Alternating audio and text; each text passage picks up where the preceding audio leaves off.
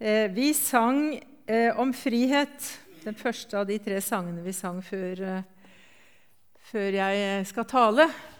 Og I 2007 så var jeg i Colombia, og der driver jo Misjonsforbundet et arbeid. Og oppe på over 3000 meters høyde, på et fjernt fjellområde, så er det en finca som er der mannlige rusmisbrukere får prøve å komme til hektene og finne Jesus og finne et godt liv. Og Kristin, som, eh, Kristin Lie, som var vår vert, vårt vertskap da, sa at de fleste der er mordere. Og det var en sånn frykt på en måte når vi kom inn der. Masse mannfolk som sto i rad og rekke og ønska oss velkommen. Og så var vi på møte, og så sang de den sangen 'Frihetens pris'. Det var så sterkt å høre hvordan Jesus forvandla. Mange av de knelte, og du så, eh, så ansiktene som lyste. Det ble jeg minnet på når vi sang den prisen, at, at Gud kan forvandle. Og Temaet for den talen jeg skal ha i dag, har jeg kalt 'Skrøpelighet ingen hindring'.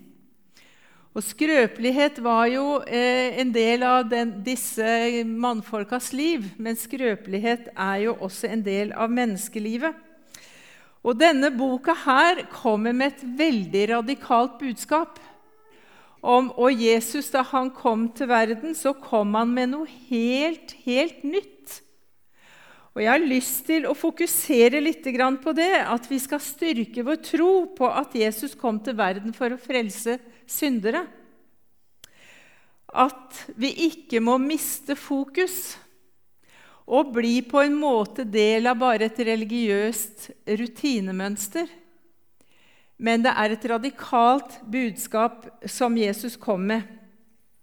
Og Det begynner i det første evangeliet i Det nye testamentet, i Matteus evangelium. Og Jeg har lyst til at vi skal se litt på hvem den Matteus var. Og Da skal vi lese teksten fra Matteus 9, fra vers 9. og Den står på tavla. og Kan ikke vi lese den høyt sammen? Det er godt å lese Guds ord høyt. Skal jeg lede og lese sakte? Derfra gikk Jesus videre og fikk se en mann som satt på tollboden. Han het Matteus. Jesus sa til ham, 'Følg meg.' og han reiste seg og fulgte ham. Senere var Jesus gjest i huset. Det kom også mange tollere og syndere og var sammen med Jesus og disiplene hans til bords.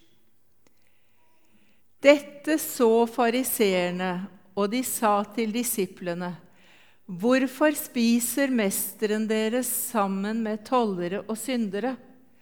Men Jesus hørte det og sa, 'Det er ikke de friske som trenger lege, men de syke.' Gå og lær hva dette betyr. Det er barmhjertighet jeg vil ha, ikke offer. Jeg er ikke kommet for å kalle rettferdige, men syndere. Matteus kalles også Levi, tolleren Levi. Han har to navn i Bibelen. Og han var en toller, og det vil si at på den tiden så arbeidet han for Han var ansatt av okkupasjonsmakten. Det var jo romerne som her, her, eh, var herre i Israel da. Og han var en som arbeidet for, eller var i tjeneste for okkupasjonsmakten. Og han var en som tok inn eh, toll, skatt. Han var skatteinnkrever. Og på den måten så var han både at han var i tjeneste for okkupasjonsmakten, og at han var en som tok inn skatt, var han en ganske upopulær mann. Fordi at på den tiden, når de tok inn skatt, så var det eh, et visst beløp, en kvote, som han måtte betale inn til romerne. Men utover det så kunne han ta så mye han ville. Og Dermed så tjente han seg rik, og det var ingen som visste den kvoten som han hadde avtalt med romerne. Så hele beløpet ble, inn, eh, ble inndratt, og hvor mye tolleren tok selv, det visste de ikke. Så han var upopulær blant mange, og han var en rik mann. Han hadde autoritet, han hadde anseelse, men han var ikke elsket. Og denne mannen kom Jesus forbi og stopper ved. Jesus hadde jo vært og, og, og helbredet en mann, han hadde en stor folkemengde med seg, og så ser han den ene. Og så sier han 'følg meg', og så står det at han reiste seg opp og fulgte ham. Nå vet ikke jeg om han hadde sett og hørt Jesus før, det vet vi ingenting om, men i hvert fall så bestemte han seg der og da. Og den handlingen betød at han mistet tjenesten hos romerne. Han gjorde et radikalt valg. Og så ba han Jesus hjem. Og jeg har tenkt på at han ba ikke bare Det var ikke Jesus som sa 'Kan jeg få komme hjem til deg og misjonere litt?' Men det står at Jesus var gjest i hjemmet hans. Og Matteus hadde tydeligvis et stort hus, eller jeg tenker at han har et stort hus. Han var vant til å ha store fester med masse vin, og det var prostituerte der. Det var sikkert utsvevende fester. For det var mange av de som ikke var populære blant fariseerne osv., som var hans venner. Og Matteus hadde opplevd at Jesus møtte hans indre liv og møtte hans hjerte. Men han ville dele Jesus med sine venner. Og så ber han han inn, ikke bare for å si nå skal vi ha en gudstjeneste her, men han var gjest, og de satt til bords. Jeg syns det, det, er ganske radikalt, folkens. Og da reagerer de religiøse fariseerne. Og så sier de, 'Hvorfor sitter han til bords med toller og syndere?' Vet du hva? Jesus var komfortabel med å være sammen med syndere. Jesus var komfortabel med å være sammen med de som ikke fikk til livet etter boka.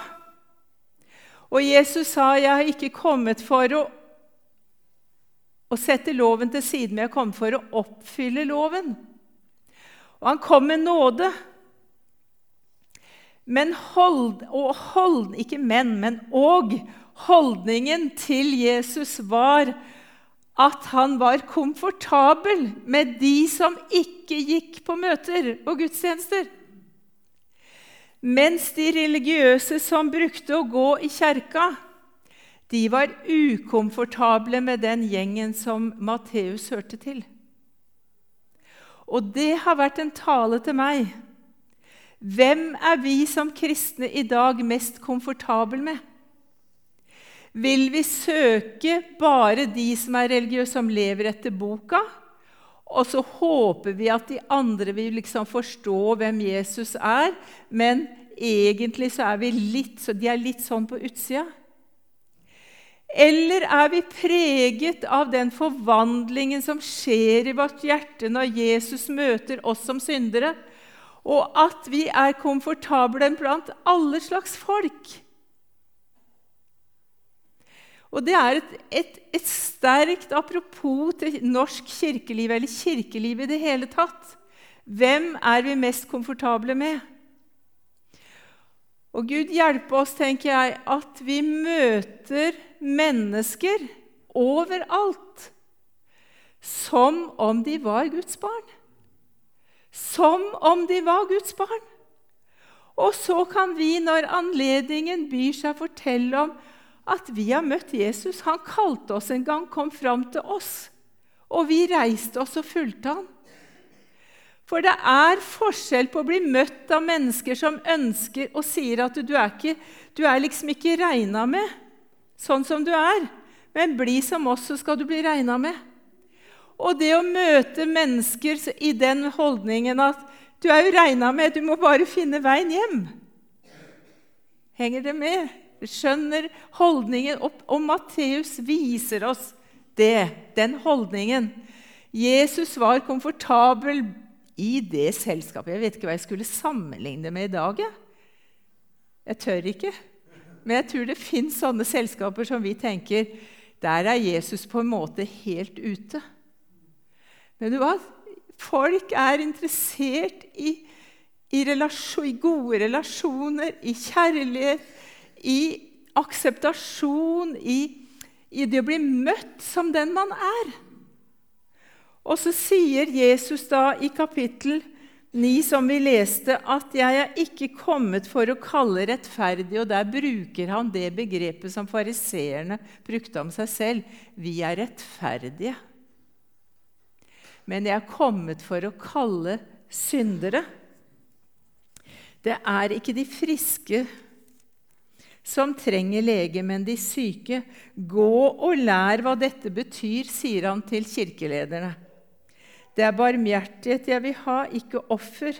Jeg er ikke kommet for å kalle rettferdige, men syndere. Og der er denne eh, Matteus. Han åpna sitt hjerte. Han åpna sitt hjem. Og han åpnet sine hender. Fordi var, han var jo vant til å skrive rapporter og skrive lister og krysse av og ha detaljerte regnskap. Og det som er så fantastisk med Gud når han ber oss å gå i tjeneste for seg, det er at vi kan bruke det vi har, sånn som vi er. Og når Moses ble kalt, så hadde han en sånn gjeterstav. Og vi leser i Mosebøkene at mange steder så brukte han staven. For det var det han var komfortabel med. Og Simon var fisker. Simon Peter var fisker. Og da sier Jesus, 'Kast ut garnet'. Og så er Gud sånn at han ser at det vi er som naturbarn og, og skapte mennesker, det bruker han i sin tjeneste. Vi behøver ikke å bli noe merkverdig og annerledes enn det vi er. Men Gud bruker det vi har, når vi gir det til han, og skaper forvandling i menneskers liv. Og det sier, Dette sier Matteus fordi han skriver i sitt første kapittel i Matteus' evangelium en veldig detaljert slektstavle på Jesus. Og det er jo interessant. Hva skal vi med det? Jo, Matteus var jo veldig opptatt av å vise jødene at, at, Jesus var den Messias som var lovet i Gamle testamentet. Og at han var Abrahams sønn og Davids sønn. Han var altså jøde, og han var av kongeslekt. Og så viser han gjennom denne ettertavla, den kan dere lese i detaljer siden, at Jesus er den Messias som hadde lovet. Men siden jeg har temaet 'skrøpelighet, ingen hindring', så har jeg lyst til at vi skal se på fire navn i den slekttavla ganske kort. Ehm, det er fire kvinner. Og på den tiden var det ikke vanlig å regne med kvinnene. Kvinnene ble ikke nevnt på den måten. Det var Tamar, Rahab, Ruth og Urias hustru Batseba som står i Jesu ettertavle. Fariseerne, jødene, de rettroende jødene, hadde én bønn. og det var, De hadde ikke bare én bønn, men de hadde en bønn som lød sånn Gud, jeg takker deg for jeg ikke er hedning, ikke hund og ikke kvinne. Det var liksom lavere. Og så er det som om Matteus tar med seg erfaringen fra sitt hjem, fra sitt møte med Jesus, og sitt møte hvordan Jesus møtte vennene hans og forvandlet deres liv.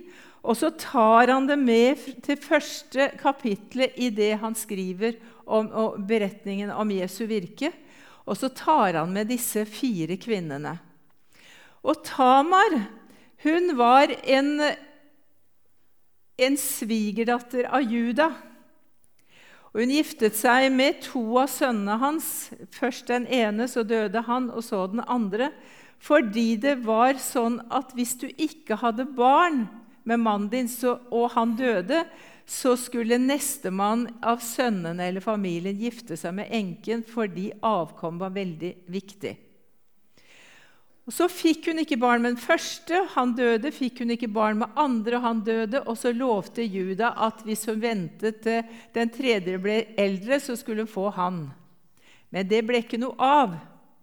Og da lurte Tamar svigerfaren sin, sånn at han gjorde henne gravid, og hun fikk barn med han. Hun kledde seg ut som en prostituert og lurte han. Skrøpelighet ingen hindring. Tamar er i Jesu ettertavle. Og Tamar er for meg i denne sammenheng et bilde, et eksempel på familierot. Eh, kronglete familieforhold. Mine, dine, våre barn, hvem er hvem, osv. Det er så mange som lever sånn. Modern Families, er det ikke det en serie heter? Det vet dere og jeg like godt at det er ikke greit, men det diskvalifiserer ikke, folkens. Og Jeg er så glad for at Bibelen er en ærlig bok som skriver om menneskets strev. Det er ikke et reklameskrift for et glatt liv, men det er en sannhetsbok. Og Rahab hun var prostituert og bodde i muren i Jeriko. Og, eh, og, Josfa sendte ut to spioner for å se hvordan forholdene var. og Da, da reddet Rahab dem fra å blitt tatt. Hun gjemte dem under et siv, en sivhaug, en høyballe, kan du si, på taket. Og når de kommer, da jødene kommer for å innta byen Nå snakker jeg om gammel kirkehistorie, så hvis du er ny i det, så får du hjem og lese om Rahab. Men hun var en kvinne som ikke var regnet med, men hun reddet de to speiderne. Og så sier hun når dere inntar byen, spar mitt liv og spar eh, min families liv. Og det ble gjort. De sa, 'Heng en lagens skarlagensrød tråd ut fra vinduet' 'og samle alle dine i huset, så skal vi gå forbi og ikke ta dere.' Og så ble de reddet. Og hun ble svigermor til Ruth. Og både Ruth i Ruths bok og Rahab var ikke-jøder, kan si hedninger, da. Og Da tar altså Matteus med de. Og, for, og de to eh, eh, Rahab For meg i den sammenheng så tenker jeg hun er et eksempel på kan vi si, et seksualliv utafor rammene, da, for å kalle det det. Et utsvevende liv, eller noe som ikke var helt stuereint. Hun er med i Jesus slektstavle. Og så står det Urias hustru. Det står ikke Batseba, det står Urias hustru. Og det er en kvinne som var gift med Uria. Og kong David lurte Han, han fikk mannen hennes drept og fikk barn med henne, og hun ble hans kone. Det er, det er jo store historier bak alle de navnene. Jeg syns det er litt stilig at det ikke det står Davids kone Batseba, men det står Urias hustru. Det står noe om synden mellom linjene her som gjør at, at jeg på en måte ser nåden i et perspektiv, et nytt perspektiv. Fordi at det er ikke bare sånn Ja da, det er av nåde, men han går Jesus kom rett inn i våre kaosliv, i vårt mørke, i vår på en måte subbete hverdagsliv. Og så sier han, 'Følg meg. Jeg vil være gjest i hjemmet ditt.' Derfor er det ikke vår oppgave som menighet å si nå må du leve reint. Nå må du leve rett. Nå må du leve fromt. Nå må du skamme deg hvis du ikke gjør det. Nei, Jesus kom ikke med skam, folkens. Han kom med sannhet for å frigjøre fra synd. Og han sier jo ikke at våre kaosliv er helt greit, men han sier at vi er greit. Men han sier at han vil komme inn og forvandle våre liv. Men hvis vi ikke blir forvandla innenfra og ut, så har det ingen verdi. Hvis Tore skulle stå her på formiddagen og si at her, her har jeg eh, Jeg har vært gift Hva heter kona di igjen? Sissel? Sissel. Jeg har vært gift med Sissel i mange år. Vi har aldri krangla, vi elsker hverandre like høyt, og barna våre oppfører seg ordentlig, og jeg har aldri stjålet og jeg, Ja, hele den rekka. Han, ingen sier sånn, men vi kan noen ganger uttrykke en holdning at vi ikke strever med våre liv når vi er kristne. Men vi gjør det. Vi gjør det. Det kommer perioder i våre liv da vi kjenner at skammen kan ligge på lur. Men Jesus kom med et radikalt budskap om nåde først, og så sannhet. Å ta det til deg, det er for deg. Det er veldig stilig å tenke på Du snakket om, Vi hadde en sang om å synge for alteret, komme fram for alteret. Var det ikke det, den nye sangen? Er det ikke fint å tenke på at dommeren og forsvareren er samme person? Dommeren og forsvareren er samme person. Og forsvareren vinner alltid. Han vinner enhver rettssak i korsets tegn. Og Derfor så ønsker jeg med denne talen å på en måte si skrøpelighet, ingen hindring. Ta til deg friheten og vedkjenn deg ditt liv. Og vit at Jesus elsker deg og kom for deg vil sitte bords med deg selv om du har et litt rart hjem og rare gjester og venner og alt hva som er. Han vedkjenner seg oss, folkens, og han kom og sparka vekk religiøse, falske fromhetsregler. Fake news er jo et, et viktig begrep i dag. Det er mye fake news hvis vi ikke holder fokus på Jesu nåde og hva han har gjort for oss. Hva var Jesu programpreken da han kom? Da, I Lukas 4 så står det Han reiste seg for å lese, det var i synagogen. Han åpnet bokrullen og fant stedet der det står skrevet:" Herrens ånd er over meg, for han har salvet meg til å forkynne et godt budskap for fattige. Han har sendt meg for å rope ut at fanger skal få frihet, og blinde få syn igjen, for å sette undertrykte fri, og rope ut et nådens år fra Herren. Og så sier han:" I dag er dette skriftordet blitt oppfylt mens dere hørte på, sa han. Ja. Og så er han en Jesus som er den samme i dag. Han kommer og sier 'følg meg'. Så ønsker han at vi skal gi et gjensvar. Så ønsker han at vi skal vedkjenne oss våre liv og vandre i, i lyset fra han og i sannhet fra han. Og så ønsker han at du skal bruke dine hender, det du har, på en naturlig måte. Og så velsigner Jesus det, og så lar han det vokse og gro. Eh, Matteus skrev Matteus' evangelium på sin måte. Jeg tror jo at denne boka er inspirert av Gud, av Den hellige ånd. Men jeg tror også at den har et dobbelt forfatterskap. For jeg tror at Matteus skrev det på sin måte, og Lukas på sin måte, og Markus på sin måte og Johannes på sin måte, inspirert av Gud. Og når vi deler evangeliet med andre, så er det på et ditt liv. Du, nå er det fårikåltid.